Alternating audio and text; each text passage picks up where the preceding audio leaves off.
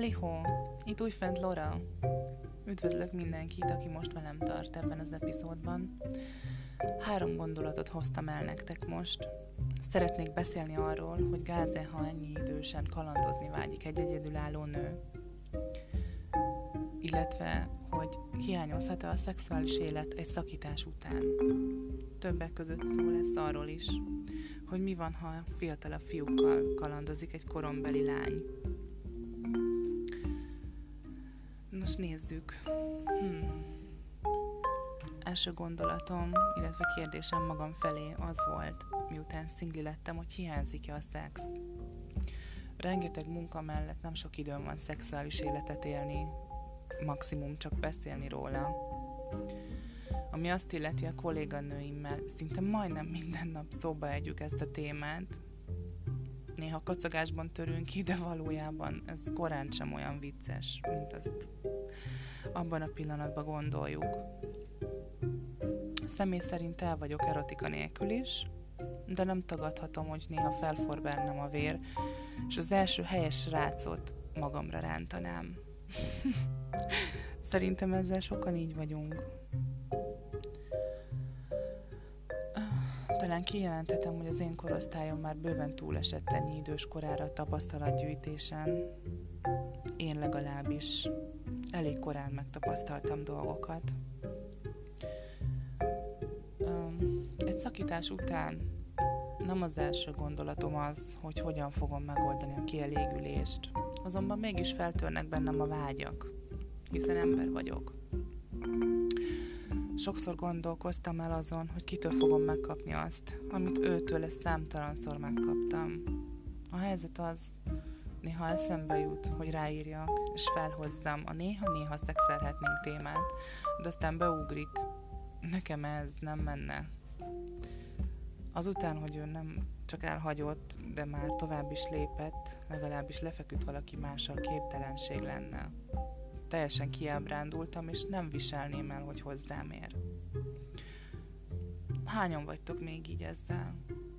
Miután szakít veletek a párotok? Fiúk, lányok? Ti éreztétek már ezt?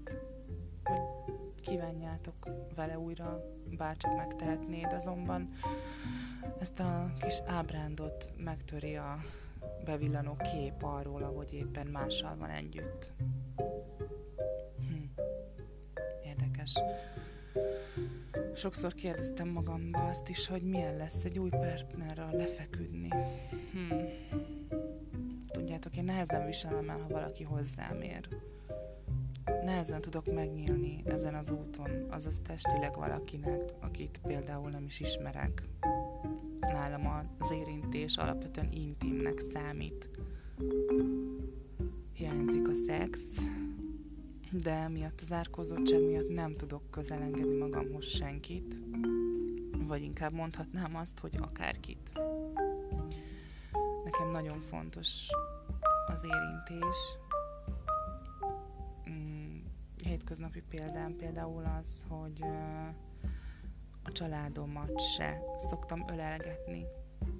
Nem egyszerűen írtózom attól, hogyha hozzám ér valakinek csak a, a térde, a buszon hozzám ér egy új.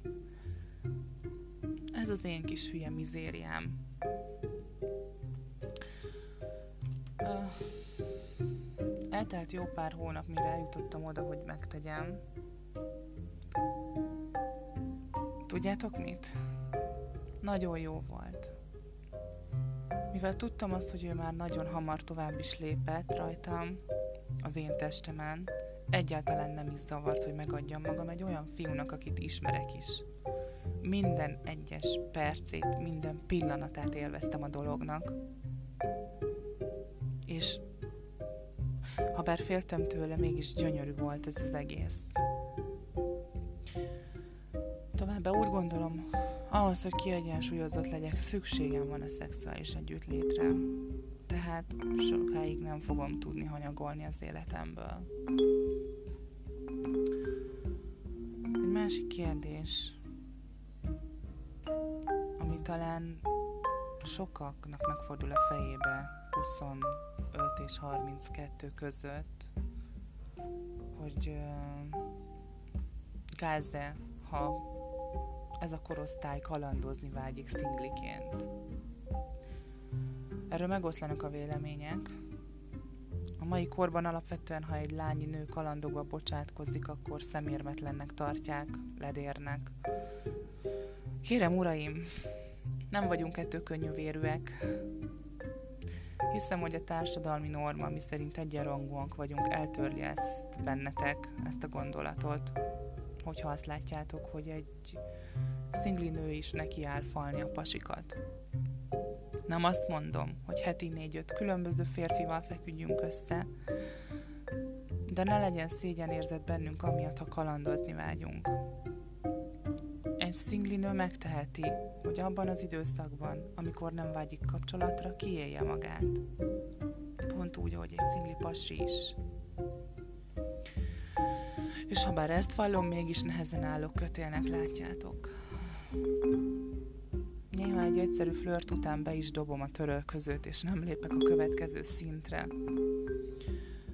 Erre nagyon egyszerű magyarázatom van. Mégpedig az, hogy elvesztettem az önbizalmam, és nem tudok se testileg megnyílni, se lelkileg egy olyan kapcsolat után, amin én is túl vagyok.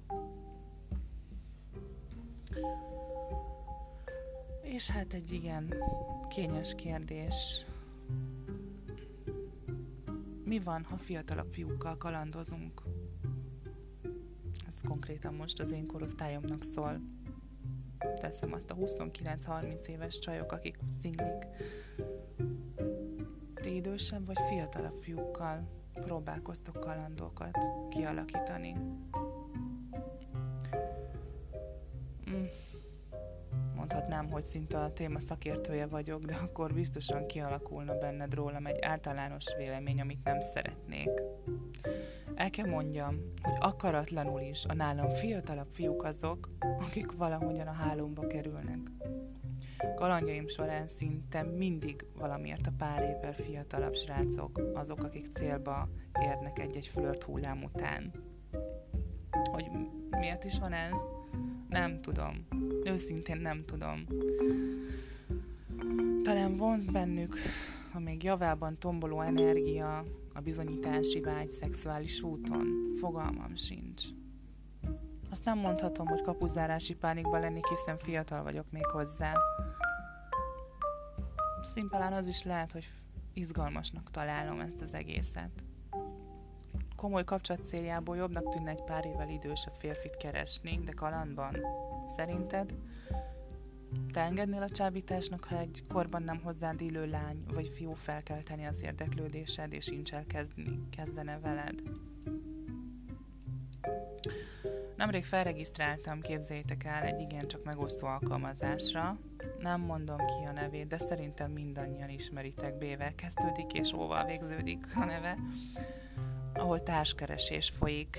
Ezt idézőjelben mondtam őszintén, három-négy naponta belépek oda, rengeteg fiatal fiú talál meg, és ír rám. Van olyan is, aki 10 évvel fiatalabb, mint én, tehát 18-19 éves korosztályról beszélünk. Az ilyen fiúk vajon az ő szerintük vele tapasztalataim miatt szeretnének kalandozni velem, vagy ez a mai fiatal korosztály csak meg mindenkire, akire csak lehet? Nem tagadhatom, hogy némelyikkel elég sokat beszélgetek, van, akivel találkoztam is. Egy-egy kisebb kaland után azonban tovább haladtunk, tehát nem, nem akartam mélyebben belebonyolódni ezekbe a dolgokba. Amit gondolok a bennem felmerülő kérdésről, az az, hogy kalandozhatunk fiatalabb fiúval. Persze, bizonyos kereteken belül, mert nem volna jó, ha ez a kaland pedofiliából torkollana, ugye?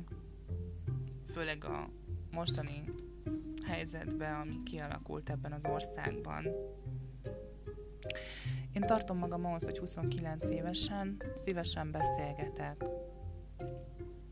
23 éves kortól bárkivel, aki szeretne megismerni, beszélgetni, kalandozni, hát azt most szerintem egy ideig nem fogom űzni elég sok rossz tapasztalatom van, de ebben is majd kitérek egy másik podcastben. Ennyit hoztam már nektek most ebben az epizódban. Köszönöm szépen, hogy belehallgattál.